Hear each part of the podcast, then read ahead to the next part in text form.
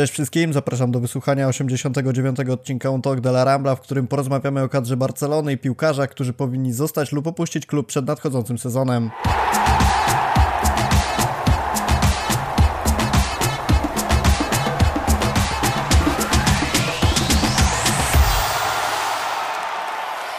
Dariusz Maruszczak, redaktor odpowiedzialny za dział newsowy, jest dzisiaj razem ze mną. Siemanko Darek. Cześć wszystkim. Darek, czyli ten żołnierz w armii FC Barsa, który niemalże codziennie dostarcza Wam z prędkością światła wszelkie wiadomości z piłkarskiego świata, także czapki z głów przed człowiekiem odpowiedzialnym za kwestie godzin, przeglądy prasy wrzucane nad samym porankiem, czy liczne konferencje prasowe tłumaczone praktycznie na bieżąco kapitalna robota e, w ramach artykułów, w ramach newsów, natomiast działalność podcastowa e, nie aż tak aktywna, co oczywiście jest zrozumiałe z powodu natłoku pracy, natomiast dzisiaj Darek bodajże drugi raz nagrywa, także e, zapraszamy do wysłuchania. Porozmawiamy sobie dzisiaj o tym, jak powinna wyglądać kadra Barcelony w przyszłym sezonie. Raczej skupimy się na tych zawodnikach, którzy w kadrze obecnie jeszcze są i porozmawiamy czy powinni zostać na dłużej, czy powinni opuścić klub.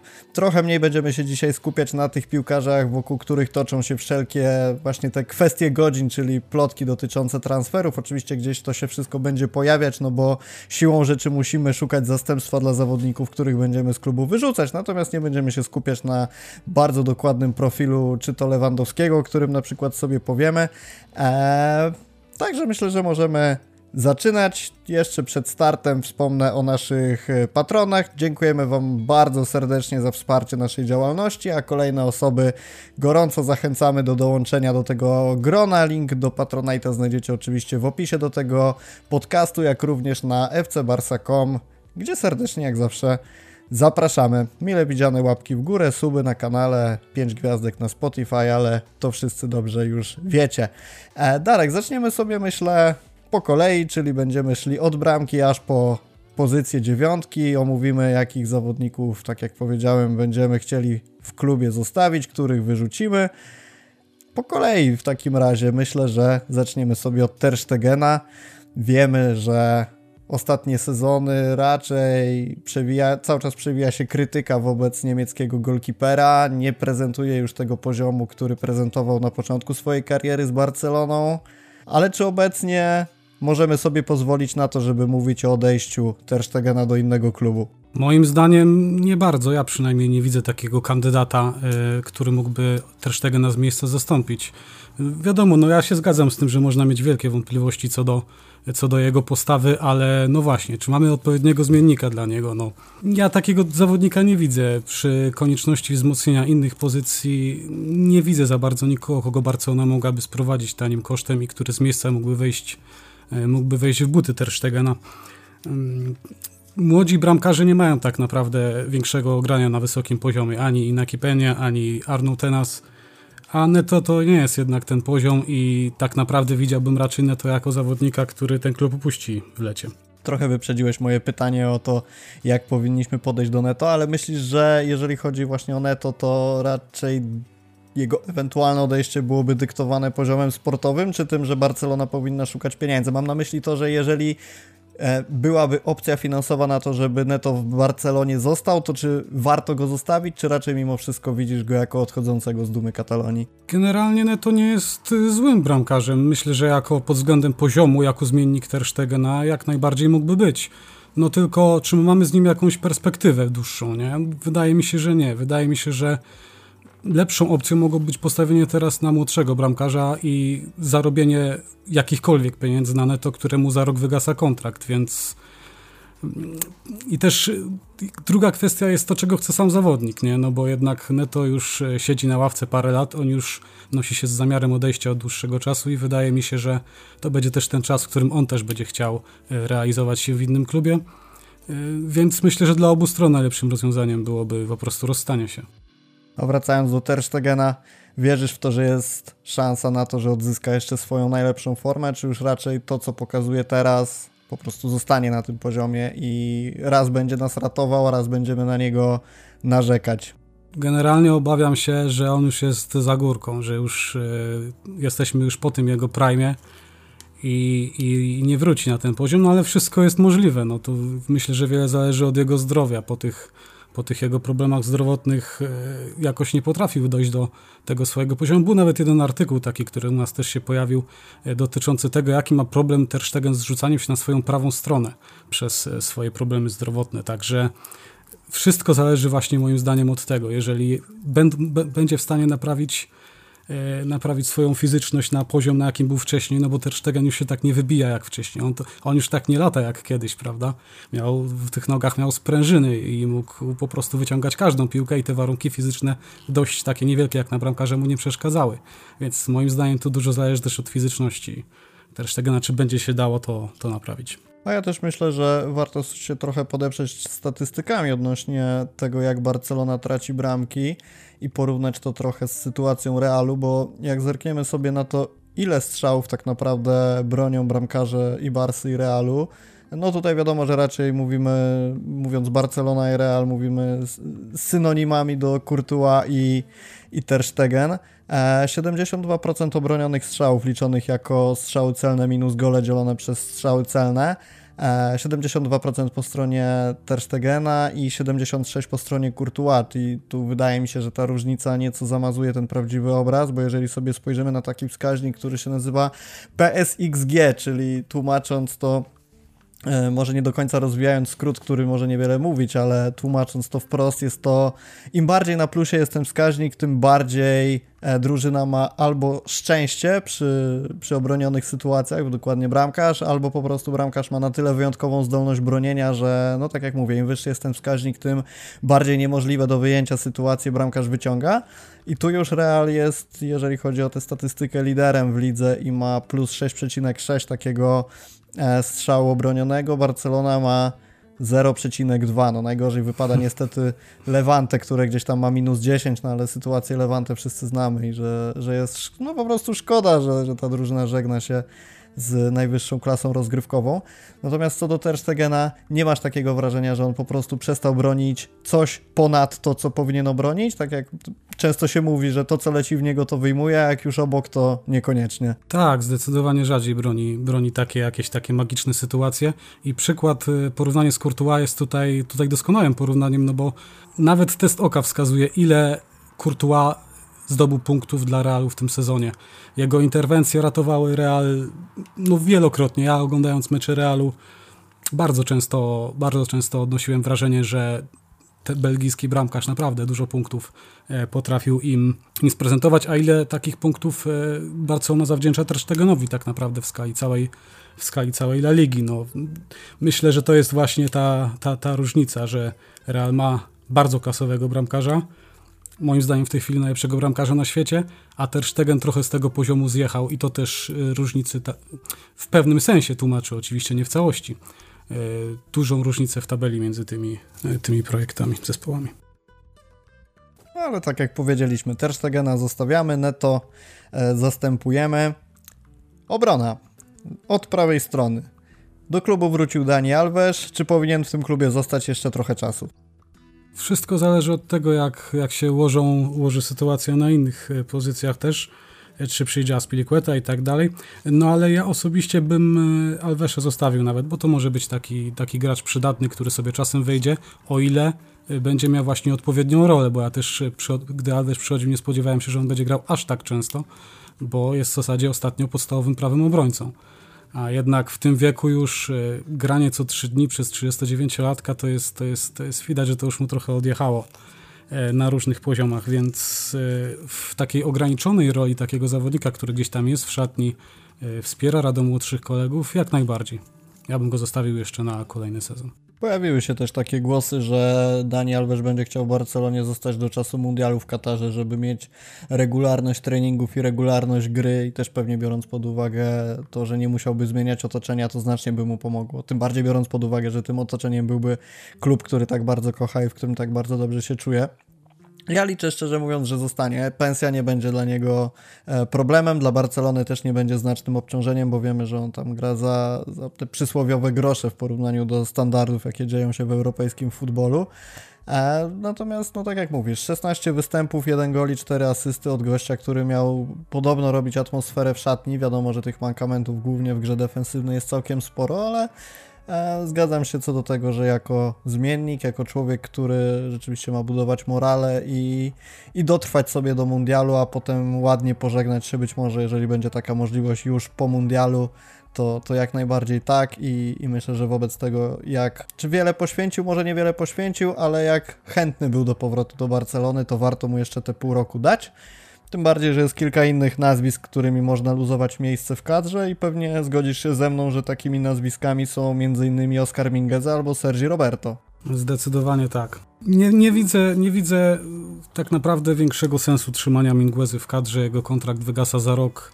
E, to nie jest zawodnik, który daje odpowiedni poziom ani na prawej obronie, ani na środku, mimo tego niezłego meczu z Getafe, e, który ostatnio rozegrał, więc e, to jest dobry moment też na na sprzedaż tego piłkarza. No pytanie, czy będą chętni. E, jeżeli chodzi o Roberto, no to sytuacja jest w sumie dość podobna. Prawdopodobnie jednak zostanie w klubie, prawdopodobnie zostanie mu zaoferowany roczny kontrakt, tylko tak mi się wydaje, że to jest też takie wyciągnięcie trochę ręki do zawodnika, żeby mógł sobie w trakcie tego roku e, troszkę pograć i ewentualnie znaleźć, znaleźć nowego pracodawcę, bo tak pod względem poziomu sportowego no, nie widzę zbyt dużo możliwości, żeby, żeby Roberto mógł dać Barcelonie odpowiednią jakość, więc akurat z Roberto bym się po tym sezonie pożegnał, kończy się jego kontrakt, więc ja bym tego osobiście tego kontraktu nie podpisywał. A gdyby ewentualnie został w Barcelonie, to widzisz go na prawej stronie czy w środku pomocy? Jaki już miałby wchodzić z ławki rezerwowych? No bo pierwszy skład to już mu odjechał dość dawno. E, wiesz co, generalnie patrząc na e, innych konkurentów, konkurentów jego do gry na, na tych pozycjach, no to raczej na prawej obronie, bo, e, bo jednak w środku pola są ludzie, którzy mogą prezentować wysoki poziom na prawej obronie. No nie ma takiego komfortu, są problemy i z Destem. Alves jest wiekowym zawodnikiem, ale no jeżeli już miałbym, miałby zostać, no to chyba raczej bym go wiedział na prawej obronie. No można by go przetestować też na pozycji defensywnego pomocnika, ale to jest inna sprawa już i do tego pewnie przejdziemy później. Najpierw przejdziemy sobie do człowieka, którego pewnie długo komentować nie będziemy. Zawodnika, który w Barcelonie ma najwyższy odsetek wygranych pojedynków powietrznych 74%, czyli Ronald Araujo, który dopiero co przedłużył kontrakt. Myślę, że nie poświęcimy mu dłuższej chwili, bo to wszystko jest jasne. Pewnie. Dla mnie to jest najlepszy piłkarz Barcelony w tym sezonie i bardzo się cieszę, że Barcelona podpisała z nim kontrakt, bo to jest, to jest przyszłość, przyszłość tego klubu. Y, solidny fundament defensywy, na którym można budować silny zespół. Jedna rzecz tylko dosłownie, jeżeli ominą go urazy i kontuzje, to y, jak najbardziej potencjał na bycie europejską topką ma. Jest dużo ciekawszych nazwisk do omówienia, także idziemy sobie dalej. Eric Garcia. Piłkarz, który jest dosyć kontrowersyjny, jeżeli spojrzymy sobie na opinie przewijające się wśród kibiców. Są tacy, którzy uważają go za znakomitego zawodnika, który jeszcze może się rozwinąć i, i dorównać poziomem Araujo i stanowić ten razem z nim duet obrońców na lata, ale są też głosy mówiące, że jest to bardzo przestrzelony transfer i w którym ty jesteś teamie? W żadnym. Jestem, okay, jestem, jestem po środku. E, nie lubię być w takich teamach, nie lubię tak przychodzić ze skrajności w skrajność, bo z jednej strony doceniam zdolności Garcia przy wyprowadzaniu piłki. On naprawdę bardzo fajnie przewiduje e, to, co się dzieje na boisku. E, jest też, jak słusznie zauważyłeś, bardzo młodym zawodnikiem, więc ma jeszcze to pole do rozwoju, ale z drugiej strony też nie można nie dostrzec jego mankamentów. Jego nie jest zbyt szybkim zawodnikiem, nie jest zbyt silnym zawodnikiem. Nie wiem, czy będzie miał w sobie na tyle takiego zdecydowania, które, które powinno cechować e, stoperów, żeby wygrywać pojedynki, żeby być tym liderem defensywy. E, no zobaczymy, jak to się potoczy w przyszłym sezonie. Ja bym dla Garcia widział e, właśnie rolę jakiegoś może trzeciego, czwartego stopera, żeby go móc dalej tak testować, nie dając mu odpowiedzialności gracza pierwszego składu, bo moim zdaniem na gracza pierwszego składu jest jeszcze dla niego zdecydowanie za wcześnie. A widziałbyś go na pozycji Busquetsa? Z chęcią bym go zobaczył na pozycji Busquetsa. E, być może rzeczywiście by się fajnie odnalazł w tej roli, chociaż Xavi chyba tak, chyba tak na razie sceptycznie do tego podchodził.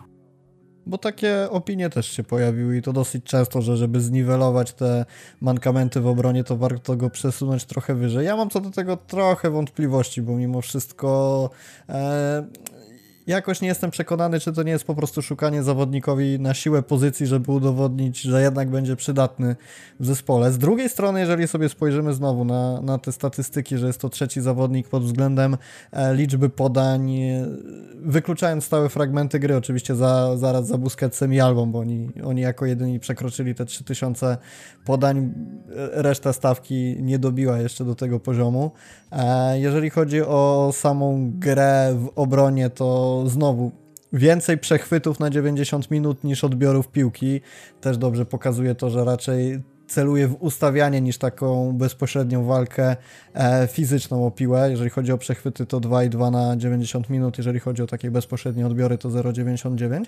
I jednak jak się tak już nie przytaczając, żeby nie przynudzać, ale jeżeli się spojrzy na te statystyki Garcia, Rzeczywiście wyłania się obraz człowieka, który w pomocy mógłby poniekąd grać, ale z drugiej strony mam też wrażenie, że jest kilka ciekawszych nazwisk, które po prostu w Barcelonie zepchną Garcia również na tej pozycji Busquetsa, jeżeli miałby się tam sprawdzać, czy to Nico, czy ewentualnie De Jong, o których sobie za chwilę porozmawiamy, a też raczej nie będziemy sprzedawać Busquetsa przed nadchodzącym sezonem, więc myślę, że e, mimo wszystko Garcia w Barcelonie zostanie, ale nie będzie zgodnie z tym, co ty powiedziałeś, cytując Szawiego, rozważany pod kątem e, pozycji Busquetsa, to tak dosłownie słowem potwierdzenia. Raczej mówisz, że Garcia byś w Barcelonie zostawił. Tak, tak, na razie tak. Gerard Piqué. Zawodnik, który był już wyzywany od świętych krów, biznesmenów, ludzi niegodnych opaski kapitana, ludzi, którzy powinni opuścić Barcelonę i tak dalej, i tak dalej. Ponoć były jakieś głosy, że był e, w ramach e, graffiti w szatni nazwany zdrajcą i pierwszy człowiek, którego nienawidzi, Leo Messi. Co o nim sądzisz? W przypadku Piqué e, wiele będzie zależało na pewno od jego stanu zdrowia, bo on już ma swoje lata. E, widzimy, jakie miał problemy. Te problemy z mięśniem przywodziciela ciągnęły się za nim już dłuższy czas. On wytrzymał tyle, ile mógł. Naprawdę szapoba pod tym względem, bo dał trochę pokaz takiego heroizmu i zaangażowania dla zespołu. Natomiast e, poziom cały czas moim zdaniem utrzymuje dobry i pod tym względem nie mam co do niego wątpliwości, no bo mimo wszystko, że ma te swoje biznesy, krążą wokół niego różnego rodzaju kontrowersje, to to jest wciąż, y, jak się zepnie, jest, czołowym stoperem i myślę, że utrzymuje dość, dość stabilną formę, więc ja nie mam wątpliwości co do, co do Piqué w kontekście następnego sezonu. Nawet gdyby miał pełnić rolę zmiennika, to myślę, że warto go zostawić, bo podobna trochę sytuacja jak z Alveszem. Jeżeli masz takiego gościa w szatni, który ma mimo wielu opinii na jego temat Barcelonę w serduchu i, i trudno w to wątpić, to, to zawsze taka osoba w otoczeniu e, młodych piłkarzy jest potrzebna i ja sobie nie wyobrażam, że on miałby odpuścić granie przed przyszłym sezonem, oczywiście tak jak mówisz, jeżeli warunki e, związane ze zdrowiem na to pozwolą, a tym bardziej, że jeżeli sobie spojrzymy na cały ten skład Barcelony, to ja nie widzę aż tak wielu charakternych zawodników, którzy mogliby być takim swojego rodzaju mentorem w szatni. No, wiemy, że, że jest Alves, ale, ale on jeżeli zostanie, no to, to sam na pewno, że tak powiem, nie uniesie tej roli. No, jest kilku zawodników, którzy mają doświadczenie na europejskich stadionach, ale nie widzę na przykład w Memphisie człowieka, który pociągnie młodych i, i krzyknie na nich w momencie, kiedy Barcelona będzie tego potrzebować, więc Pique jak najbardziej w tej roli jest numerem jeden, jeżeli, jeżeli chodzi o moje zdanie. A do tego E, znowu kącik statystyczny. Okazuje się, że drużyna z nim na boisku zdobywa najwięcej punktów w przeliczeniu na 90 minut. E, także gwarantuje, gwarantuje stabilność, gwarantuje jakość i, i możemy na niego narzekać, ale jeżeli jest w formie, to robi odpowiednią robotę. 0,74 oczekiwanego punktu na mecz w sytuacji, kiedy jest na boisku. Co ciekawe, drugi jest Luke De Jong, ale, ale wejścia De Jonga w końcówkach meczów dobrze znamy. Eee, no i jeszcze jedna statystyka, najwięcej wygranych pojedynków powietrznych właśnie po stronie Gerarda Piqué, chociaż y, jego 118 przy 314 Hoselu z Deportivo Alaves wygląda blado. E, Samuel Umtiti, Clement Longlet. Tu chyba też raczej nie będziemy się kłócić o to, że w, w Barcelonie nie powinno ich być w przyszłym sezonie. Zdecydowanie. No, Umtiti ma za sobą taką serię kontuzji, tyle, tylu problemów, że nie ma co jeszcze w niego inwestować, zwłaszcza, że Xavi też ma chyba podobne zdanie. Jeden mecz w tym sezonie to jest to jest, to jest fatalny koniec tak naprawdę w Barcelonie tego bardzo utalentowanego piłkarza, który przecież tak świetnie zaczął, zaczął swoją karierę na Camp Nou.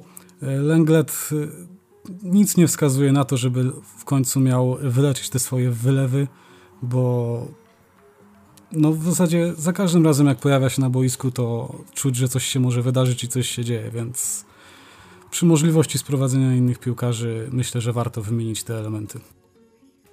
Ja się nawet zastanawiam, czy nie dużo bardziej opłacalne dla Barcelony byłoby, żeby na przykład Mika Marmol wszedł nich, za nich do pierwszej drużyny, bo szczerze mówiąc, no mniej atutów na boisku niż Longle albo Umtiti nie pokaże. No, byłaby, byłaby, byłaby to jakaś koncepcja, taki zawodnik mógłby grać w mniej poważnych spotkaniach, a taki Umtiti, no to co my, co my mamy z Umtitiego tak naprawdę? No zupełnie nic. A ten się może rozwinąć, przynajmniej gdzieś tam może pójść do przodu, jest jakaś perspektywa przed tym piłkarzem, zresztą przed Arną Komasem z Parcy B też, bo ja akurat y, troszkę wyżej osobiście oceniam potencjał Komasa, no ale, ale Mika Marmo też jest bardzo utalentowany zawodnik. Pozdrawiamy Piotrka Gudzińskiego, który jeżeli nas słucha, to mamy nadzieję, że się odniesie do tematu. Lewa obrona, obstawiona przez człowieka legendę w Barcelonie moim zdaniem, ale kolejnego człowieka, którego tak się kocha, jak również nienawidzi. Jordi Alba. E, wiem, że ty raczej jesteś z kościoła tych, którzy doceniają jego wkład dla drużyny. E, jaką rolę widzisz dla niego w przyszłym sezonie?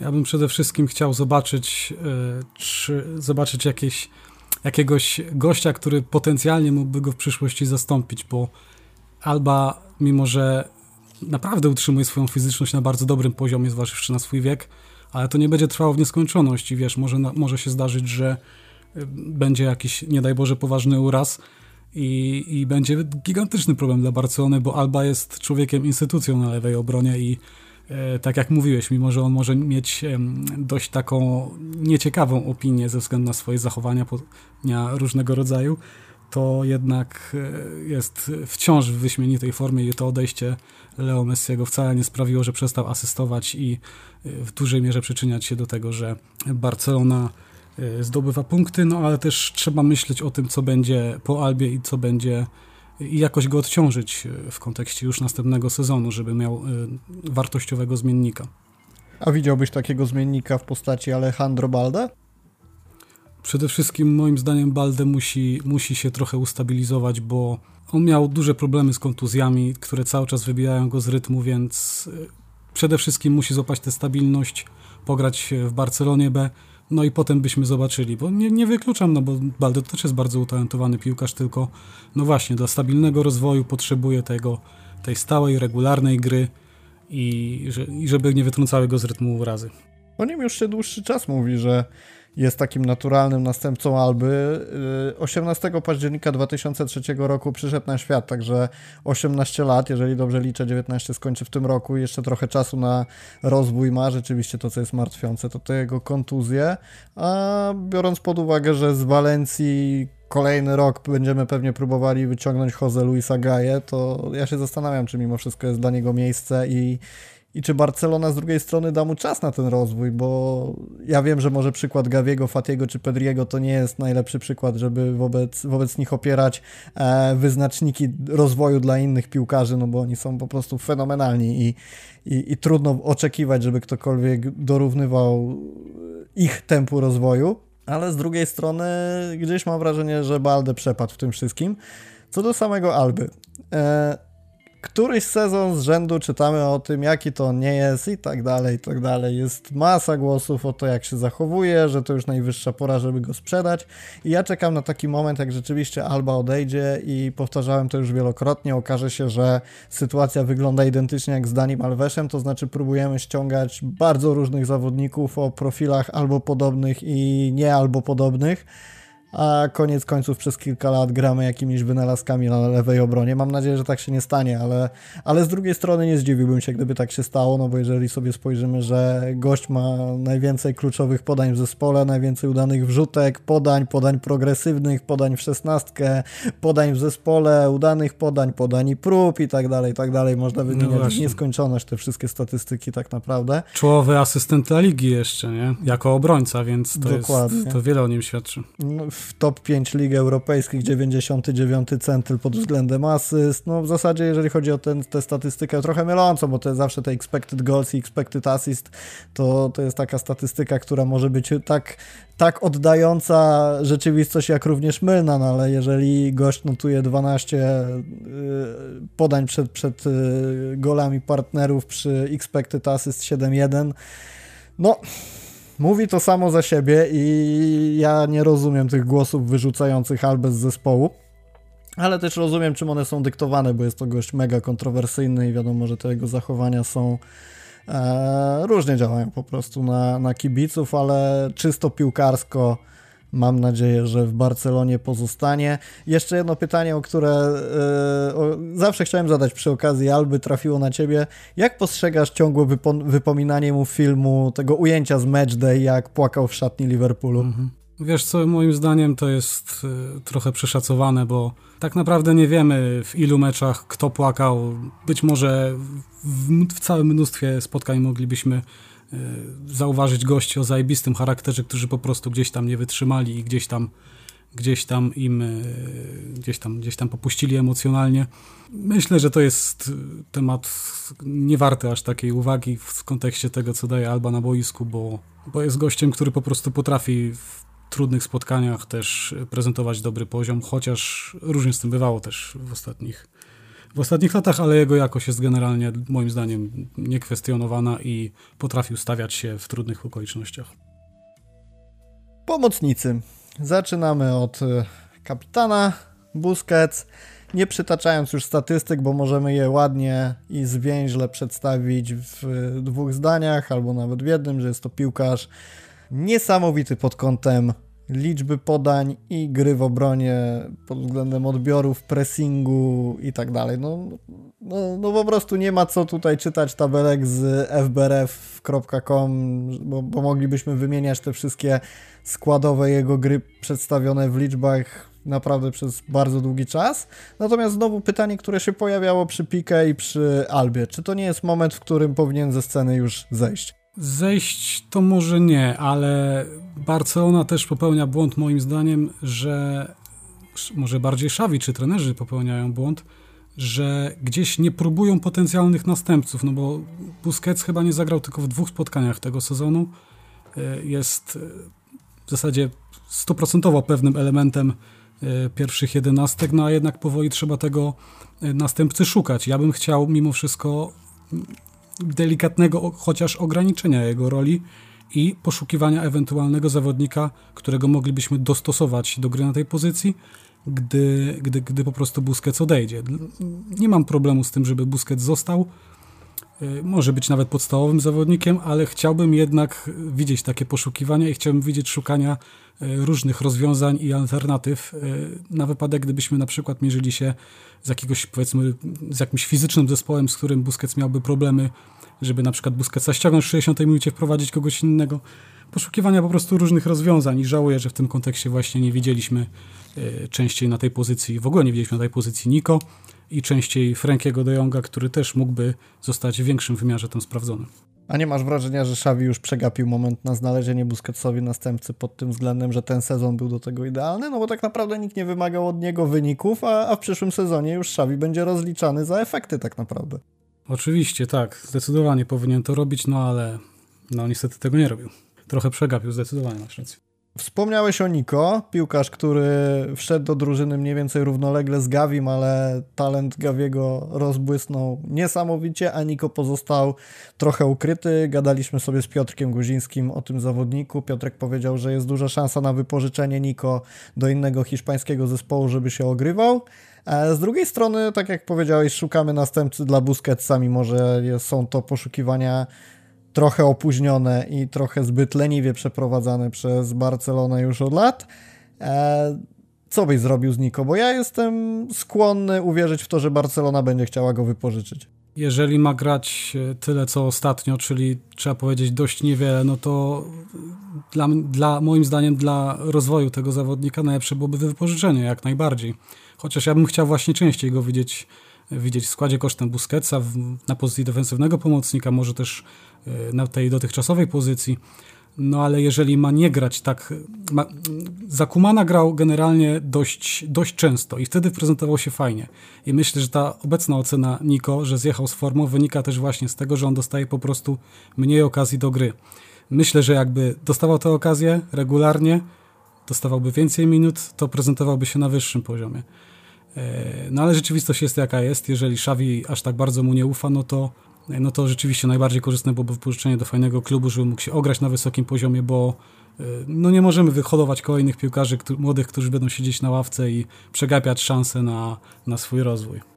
Xavi mam wrażenie trochę zabija też talent Niko tym, że widzi go na pozycji wyżej niż Busquetsa, bo też gdzieś to o tym wspominał na jednej z konferencji prasowych, że nie jest to piłkarz, który będzie jeden do jeden zastępował Sergio, tylko, tylko właśnie grał gdzieś wyżej, bardziej będąc zmiennikiem Frankiego, ale no ja też chętnie bym go zobaczył na pozycji Busquetsa. No, warunki fizyczne do tego ma, a, a porównywanie jakiegokolwiek piłkarza z Busquetsem pod względem techniki, wizji i, i, dostrzegania sytuacji na boisku byłoby krzywdą dla, dla tego, który jest z nim zestawiany, więc odpuśćmy temat. I zawodnik, który będzie perełką, myślę, w tym podcaście, piłkarz, na którego sprzedaż zaciera ręce wielu kibiców, Frankie de Jong. E, poświęćmy mu zatem chwilę uważasz, że Barcelona powinna przyjąć 80 milionów euro od Manchester United?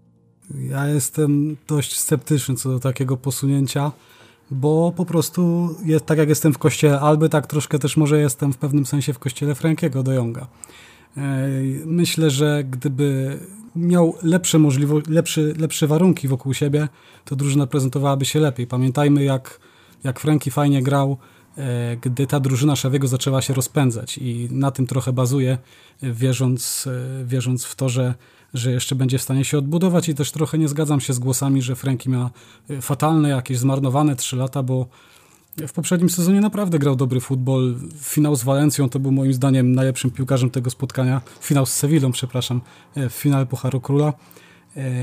Więc no ja bym jeszcze, ja bym jeszcze z niego nie rezygnował. Troszkę było głupio z niego zrezygnować, zwłaszcza, że nie wiem, E, nie wiem, jaką e, jakość da ewentualnie jego, e, jego następca. A nie sądzisz, że to jest to, co było już wielokrotnie wspominane przez różnych użytkowników Twittera czy przez dziennikarzy sportowych w Polsce, że to jest case Piotrka Zielińskiego, że narzekamy, że nie gra dwa metry w lewo i pół metra do tyłu i wtedy byłby kandydatem do złotej piłki? No być może, być może w pewnym sensie tak, ale moim zdaniem trochę się deprecjonuje to, co, to, co Franki potrafi robić na boisku w wielu spotkaniach. Y, ja też y, oczywiście zgadzam się, że to nie był świetny sezon Frankiego, e, ale troszkę się nie docenia tej jego pracy, tyle ile on wykonuje na boisku, bo, y, bo on robi dużo takich małych rzeczy, dużo takich małych, prostych rzeczy, których się potem nie docenia, które potem e, nie są w highlightach a wykonuje pożyteczną pracę dla zespołu. Choć oczywiście, tak jak mówię, no, musi grać lepiej niż w tym sezonie, bo jest w takim, w takim okresie kariery, że no, musi też dźwigać ten zespół jako już zawodnik 25-letni. Czy nie widzisz y, Kessiego jako człowieka, który dorówna mu poziomem? Nie szczególnie, nie szczególnie. To w takim razie jeszcze jedno pytanie o Frankiego, bo moim zdaniem jest to piłkarz, na którym Barcelona w tym momencie może zarobić najwięcej pieniędzy spośród zawodników, którzy są w jakiś sposób sprzedawalni, bo być może więcej by wyciągnęli za Pedriego, no ale wiemy, że nikomu do głowy to nie przyjdzie. E, czy to nie jest tak, że Barcelona po prostu jest pod ścianą i musi sprzedać De Jonga, a jednocześnie gdzieś tam na zapleczu tego transferu tłumaczy się to jego formą sportową, a tak naprawdę gdyby chodziło stricte o samą kwestię sportową, to nikt by nie myślał o sprzedaży go? No nie do końca, bo myślę, że jeżeli by prezentował się tak jak, tak jak sobie wyobrażamy, to jednak nie byłoby, nie byłoby tematu, e, bo on też w pewnym sensie, mimo że ja wierzę w jego potencjał, to w pewnym sensie widzę, że, e, że nie, nie, nie zawsze się broni tak naprawdę Frankie de Jong i właśnie daje argumenty do tego, żeby, żeby klub myślał o zarobieniu. Na nim, a tak jak słusznie zauważyłeś, jest to zawodnik, na którym Barcelona może zarobić najwięcej, być może nie ponosząc aż takich y, strat, powiedzmy, na poziomie marketingowym czy przyszłościowym, jak w przypadku Gaviego czy, czy, czy Pedriego. Gdybyś był Laportą i dostał list z Manchesteru, że biorą Frankiego za 100 milionów, podpisujesz czy odrzucasz? Kurczę, trudne pytanie. 100 baniek to jest kupa siana. Dokładnie. Zakładając, że Laporta jest w stanie z Alemanim tyle wynegocjować. Myślę, że poważnie bym się zastanowił nad taką ofertą, ale nie sądzę, szczerze mówiąc, żeby, żeby takowa miała nadejść. Ja zresztą nie za bardzo wierzę, czy, czy nie, nie uważam, żeby Manchester wydał 80 baniek. Myślę, że to by była e, mniejsza kwota, więc tak trochę wymijająco ci odpowiem, wybacz. Spoko, nie, wiesz co, wymijająco, ale gdzieś myślę, oddajesz bardzo dobrze to, co ja sam myślę, bo e, ja uważam, że Franki nie jest aż tak zły, jak, e, jak się go ocenia. I też mam wrażenie, że bardzo dużo osób no, oglądało się właśnie highlightów z jego czasów gry w Ajaxie, jak to on przeprowadzał rajdy, bo, bo nie wierzę, że ktoś za czasów e, Erika Tenhaga w Ajaxie i tego wspaniałego Ajaxu oglądał regularnie Ligę Holenderską, bo podejrzewam, że takich osób jest dużo, dużo mniej niż rzeczywiście się wypowiada odnośnie do tego, jak, jak Franki w Barcelonie gra. I, i trochę ten Ajax obrósł takim mitem cudownym cudownie, świetnie grającej drużyny, w centrum której był właśnie De Jong. Oczywiście nie deprecjonuję tego, jak Frankie w Ajaxie grał, no bo tego, tego nie da się nie docenić, ale z drugiej strony to jest trochę, mam wrażenie, teraz takie powielanie komentarzy, że on nie gra tak jak w Ajaxie, on nie gra tak jak w Ajaxie, jeden kopiuje od drugiego. Oczywiście, że nie gra tak jak w Ajaxie, ale też e, uważam, że robimy mu dużą krzywdę, wymagając od niego, żeby był na tym poziomie, jak, jak grał za czasów jego występów w Holandii. I, i o ile nie sprawdza się na pewno ten jego potencjał, jaki mógł w Barcelonie pokazać, to to rzeczywiście Barcelonie daje dużo. Ja bym się obawiał tego, że zresztą to, co sobie wspomnieliśmy, że jeżeli przyjdzie ktoś do Barcelony w miejsce Frankiego, czy to będzie Soler, czy to będzie ktokolwiek, chociaż głosy są, że Soler nie przychodzi za Frankiego, ale gdyby, albo gdyby to był ktokolwiek inny, to bałbym się sytuacji, w której e, będziemy mieli trochę powtórkę z wymiany Artura za Pianicia. Ja wiem, że to było dyktowane zupełnie czym innym i że tam był, e, były, były machloje finansowe, żeby tylko ratować, reperować budżet, no bo nie udało się go ratować, ale żeby reperować budżet to też narzekaliśmy bardzo na Artura, mówiąc, że on w piłkę nie potrafi grać, głównie mu w głowie imprezy, palenie shiszy i wyjazdy na snowboard. Potem przychodził pianić i mówiliśmy, jak to będzie piłeczka chodzić, jak taki doświadczony zawodnik przyjdzie i, i jak to nie będzie cudownie i że wreszcie będzie miał kto wykonywać rzuty wolne, a w ogóle pianić to przecież ograny w Juventusie. No a okazało się, że że Pianić nie wiem, czy grał jeszcze gorzej niż Artur, ale, ale myślę, że ta teza jest do obronienia i właśnie boję się sytuacji podobnej, że, że jeżeli De Jong z, Bar z Barcelony by odszedł, to dostalibyśmy za niego jakiś taki półprodukt, który po pierwsze pewnie nie byłby za tani, a mógłby się też okazać nie za dobry. Natomiast jeżeli rzeczywiście w biurach Barcelony byłaby kwota rzędu tam 80-100 milionów, czysto hipotetycznie, no bo wiemy, że tak naprawdę do sprzedaży Frankiego jeszcze może być długa droga, to ja też rozumiałbym, gdyby Barcelona chciałaby go sprzedać, bo wielokrotnie zarzucaliśmy, e, czy to za czasów jeszcze e, Rosela, czy za czasów e, Bartomeu, że Barcelona bardzo długo wyczekuje ze sprzedażą zawodników i przychodzi moment, kiedy wyciągamy za bardzo duże nazwisko, no chociażby sytuacja z Rakiticiem, nie pamiętam dokładnych kwot, ale, ale jeżeli sprzedajemy takich bardzo dobrych piłkarzy, jak na nadal Ligę Hiszpańską za jakieś tam 1 milion euro plus 2 miliony zmiennych, to jest to śmieszna sytuacja. Jeżeli trafia się moment, w którym da się rzeczywiście Frankiego sprzedać za grube pieniądze, to z jednej strony trochę bym po Frankim zapłakał, trochę bym to zrozumiał i po trzecie patrząc na sytuację finansową Barcelony byłoby to w pełni zrozumiałe. Dalej. Gavi i Pedri. Chyba nie mamy co do tego wątpliwości, że to są ludzie, którzy podobnie jak Araujo w Barcelonie po prostu zostają. Tak, tak, zdecydowanie. No to, to są zawodnicy, na których Barcelona musi opierać swoją przyszłość i, no i nie mam nic więcej do dodania w sumie w tym temacie. A jak postrzegasz rozwój Gaviego? Nie uważasz, że on może przez tą swoją agresję i, i taki nadmierny, nad, gorący temperament e, być w pewnym momencie przeszkodą dla Barcelony? Nie, ja myślę, że on w miarę jak im więcej meczów rozegra, im więcej minut nabierze na boisku, tym bardziej się będzie stabilizował. Takie, tak mi się wydaje przynajmniej i na to mam nadzieję. E, natomiast e, pytanie, pytanie, pytanie, w jakim kierunku pójdzie właśnie jego rozwój, bo nie wiem, czy to jest. On miewa też bardzo dużo takich przeciętnych meczów. On dużo daje z siebie walki, dużo zaangażowania, ale też w tym sezonie miewał dużo takich średnich meczów i dlatego zastanawiam się w kontekście De Jonga, czy gdyby Gavi wszedł do podstawowego składu, czy mógłby, e, czy, czy nasze oczekiwania wobec niego nie urosłyby na tyle, że przestalibyśmy już na niego patrzeć jak na 18-latka, który wchodzi i fajnie się pokazuje, tylko byśmy od niego nie wymagali czasem za dużo już w pewnym momencie. A jego zaangażowanie najlepiej znowu oddają statystyki. 98 centyl w próbach pressingu w top 5 lig europejskich i rozgrywkach e, europejskich klubowych, 24 próby na 90 e, minut pod względem samej Barcelony zanotował 773 próby, w czym jest drugi. Pierwszy oczywiście Busquets 820, ale co ciekawe trzeci jest Franki z 452 próbami, czyli no, na szybko licząc 320, ponad, trochę ponad 320 prób więcej.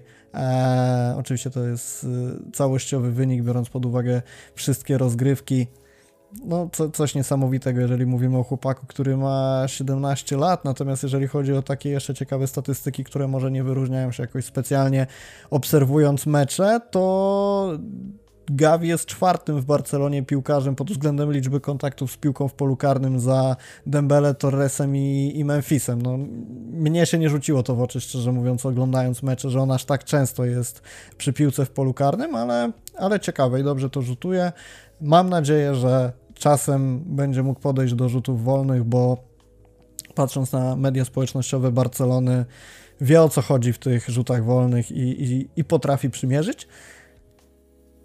Jeden zawodnik, którego z Gavim i Pedrim łączy niewiele, ale łączy ich na pewno to, znaczy łączy go na pewno to, że mamy jasne zdanie co do jego przyszłości w Barcelonie, czyli Ricky. I o ile Gavi i Pedri w Barcelonie na 100% zostają, to myślę, że się zgodzimy, że Ricky z Barcelony w końcu powinien odejść. Czy liczysz na to, że może przetrwa Szawiego i kolejny trener da już mu prawdziwą szansę?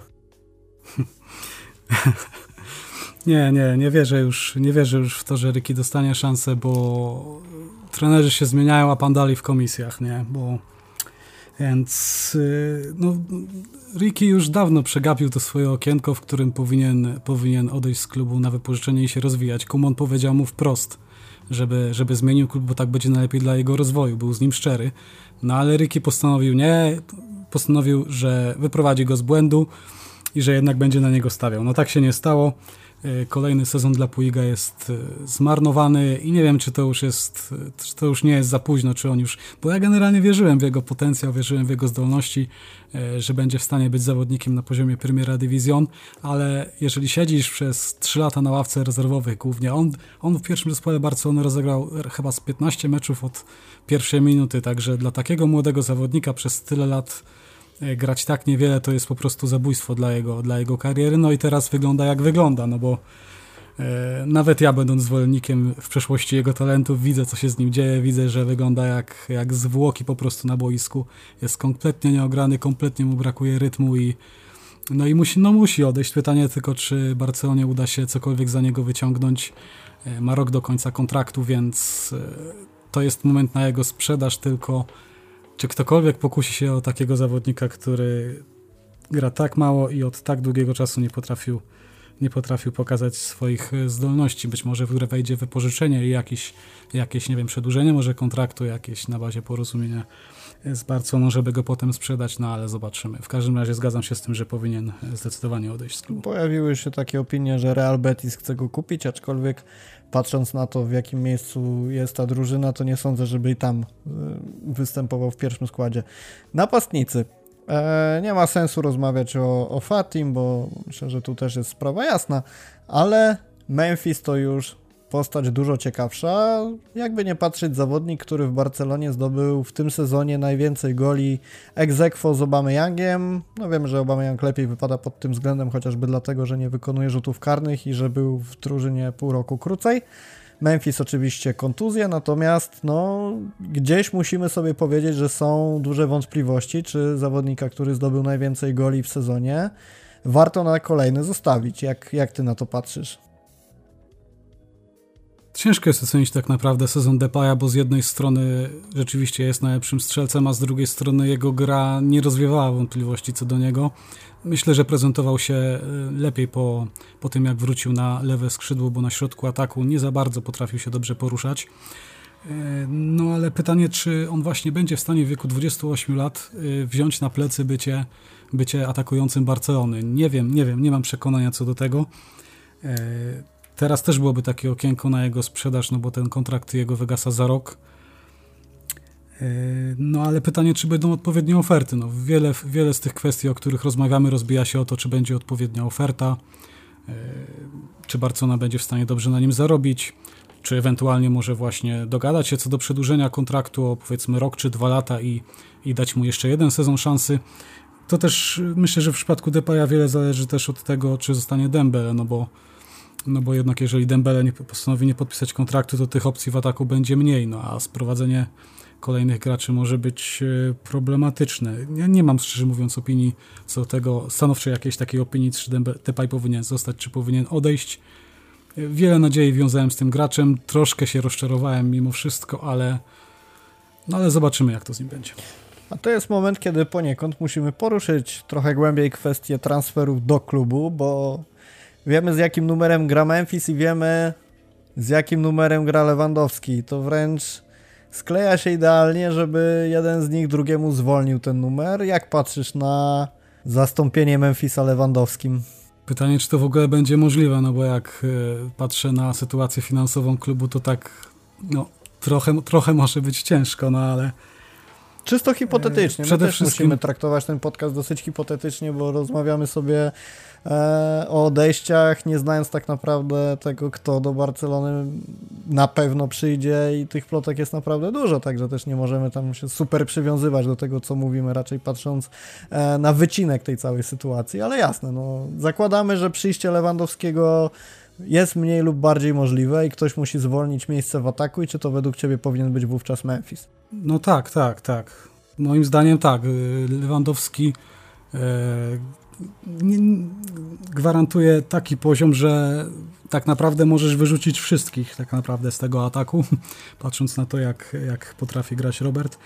E, czy Depay byłby ofiarą? No patrząc na to właśnie, że jest okienko na jego sprzedaż, no to tak, bo raczej nie sądzę, żeby klub miał się pozbywać Obameyanga, zwłaszcza, że Oba może być, byłby takim fajnym, może myślę, zmiennikiem dla e, Lewandowskiego, zawodnik, który nie musi mieć dużo piłki, e, który nie musi mieć jakiejś pewności siebie wynikającej z dobrej gry, tylko po prostu gdzieś tam się znajdzie w polu karnym i gdzieś tam, gdzieś tam zapakuje bramkę. Pod względem poziomu sportowego Lewandowski nie podlega żadnym dyskusjom, nie wiem, czy też czy Barcelona byłaby w stanie sprowadzić jakiegoś e, innego napastnika, chociaż troszkę słabszego od Lewandowskiego, no bo myślę, że Lewandowski jeszcze przez te 2 czy 3 lata e, będzie prezentował bardzo wysoki poziom. Może znowu wróci temat Alvaro Moraty, oby nie. E, Oby nie. Obama Young zostaje w Barcelonie. Myślę, że to, to też nie podlega dyskusji, bo tak jak powiedziałeś, człowiek, który potrafi zanotować 7 kontaktów z piłką na, w ciągu jednej połowy i strzelić z tego gola, z jednej strony może być krytykowany za brak udziału w grze, a z drugiej strony największy expect, expected goal na, na 90 minut robi swoje i, i po, prostu, po prostu zostaje. Krótki temat. Kolejny kontrowersyjny zawodnik, czyli Dembele no, myślę, że takie drugie najgorętsze nazwisko tego okienka transferowego, które przed nami zaraz po Frankim. E, człowiek, który przez kilka lat w Barcelonie był zupełnie niepotrzebny, kontuzjowany i wiązano z nim ogromne nadzieje, a kiedy wszyscy przekonali się, że to jest najlepszy moment, żeby już z Barcelony odszedł, to chłop notuje jedną asystę za drugą, 13 w lidze, najlepszy wynik, zaraz tam, chyba Benzema jest w tym momencie drugi. E, no też jeżeli spojrzymy na wszystkie ligi europejskie, to 99 centyl w asystach, w e, expected assist, w progresywnych podejściach z piłką czy w udanych driblingach, więc no nie tylko to, że dogrywa, ale też jeździ sobie na tym skrzydle jak chce, zresztą wiemy z czego Dembele jest znany. Wiemy, że są problemy z przedłużeniem kontraktu z nim, że klub się zapatruje na to, żeby został, ale oczywiście za mniejszą kwotę. I jak ty to widzisz, czy to nie jest tak, że Dembele już po prostu jest dogadany z innym zespołem, a teraz robi sobie jak najlepszy PR, żeby mieć dobre wejście do nowego zespołu? Szczerze mówiąc nie wiem, ale myślę, że to wszystko jeszcze trwa, wszystko się jeszcze rozgrywa i czeka na jak najlepsze oferty. Nie, Barcelona nie jest w stanie mu zaoferować tyle, co inni i co tak naprawdę siedzi w tym jego łbie, to ciężko jest, ciężko jest tutaj jakoś spekulować. No.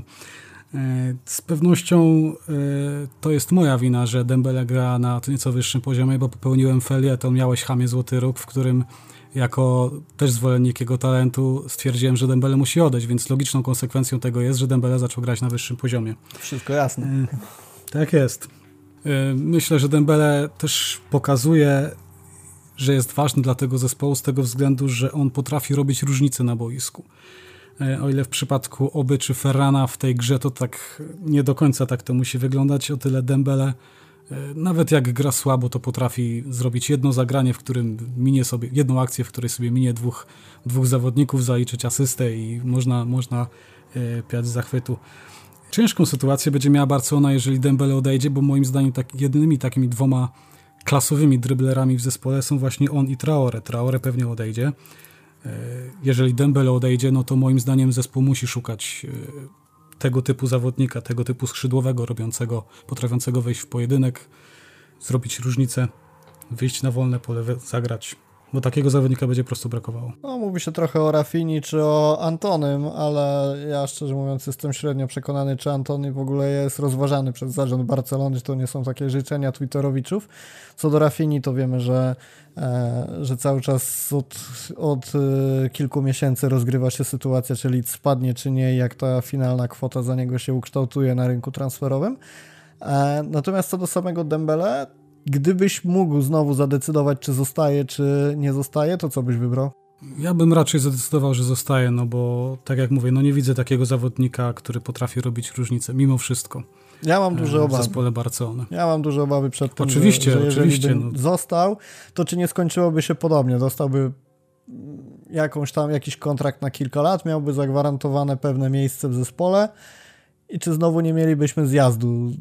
Po pierwsze, mogłoby tak być. Po pierwsze piłkarskiego, a po drugie takiego jego mentalnego, które doprowadziłoby znowu do jakiegoś tam ulewania treningów, spóźniania się i tak dalej. Natomiast pół roku temu miałbym dużo mniejsze wątpliwości, czy chciałbym go zostawić, czy sprzedać, bo po prostu powiedziałbym, żeby zjeżdżał gdziekolwiek chce i w ogóle mnie to nie interesuje. Tak teraz, no muszę przyznać, nie lubię tego zawodnika, nie, nie, nie odpowiada mi pod kątem tego, co, co prezentuje swoim zachowaniem i no poniekąd jak głęboko w nosie ma kibiców tym, co, co prezentował przez te lata, kiedy mnóstwo skandali docierało do naszych uszu, uszu i oczu.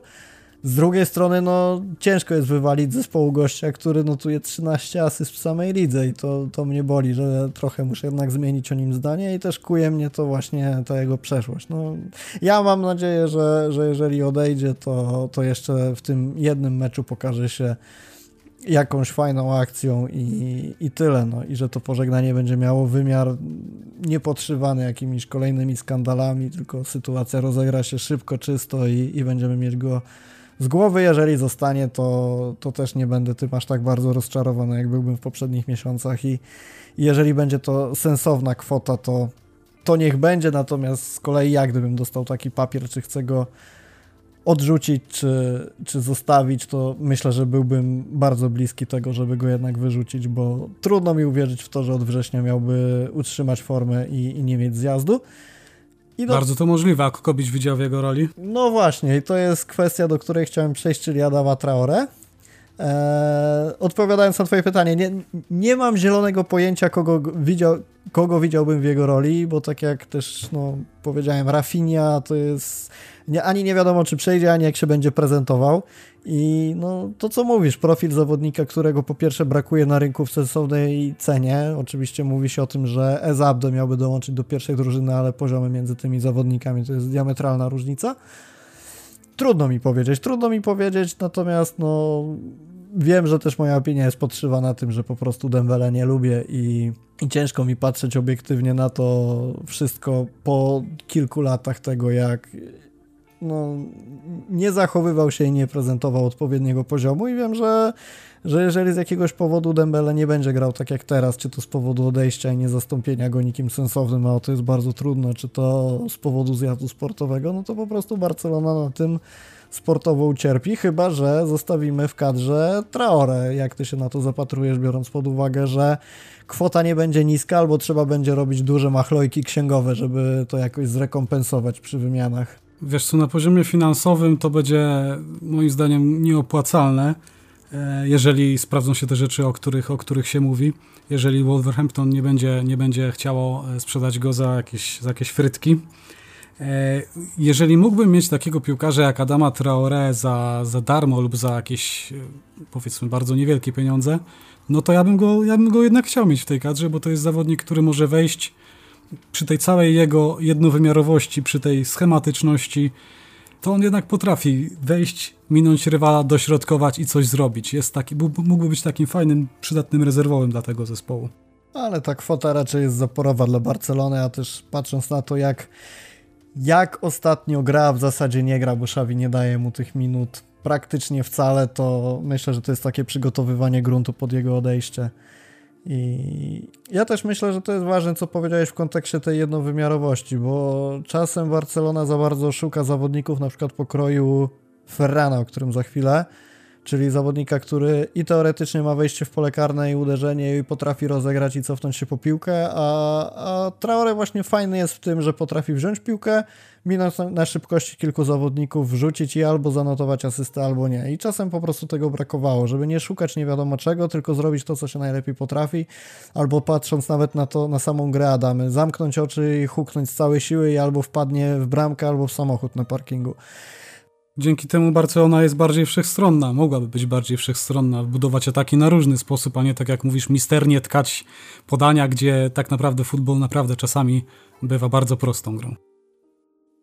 Ferran Torres, biorąc pod uwagę kwotę transferu, długość kontraktu i to, że jest perełką u Szawiego, to myślę, że nie mamy tutaj pola do dyskusji i w Barcelonie pozostanie. Na pewno, biorąc pod uwagę inwestycję styczniową w niego, no to w tej Barcelonie musi pozostać. Yy, ja też myślę, że może być fajny, może rozwinąć się w bardzo fajnego gracza, chociaż te ostatnie tygodnie w jego wykonaniu były, no moim zdaniem były fatalne, po prostu fatalne. Torres, yy, ja zdaję sobie sprawę, że to jest specyficzny zawodnik, ale moim zdaniem zdecydowanie za mało daje, dawał zespołowi w ostatnich tygodniach. No trzeba wziąć poprawkę na to, jaka jest sytuacja zespołu, więc może więc może, może w przyszłym roku będzie lepiej. Byle tylko Szawi nie zajeżdżał go tak jak teraz i nie wystawiał na siłę w momencie, kiedy gościowi... Tak, bo on robi krzywdę tym samym. Tak, dokładnie. Dwóch zawodników na sam koniec. Nasze dziewiątki, Luke de Jong i Martin Braithwaite. Eee, Braithwaite myślę, że do odstrzału tu się zgodzimy. Co z Luke'em de Jongiem, bo przypomnijmy, że on jest wypożyczony. Warto wyłożyć pieniądze na tego Jokera, czy podziękować, przeprosić się z nim, że nie weszła mu żadna przewrotka i, i oddać. Generalnie w takiej sytuacji finansowej klubu nie wiem, czy Barcelona będzie chciała e, wydawać, wydawać pieniądze na Luka de Jonga.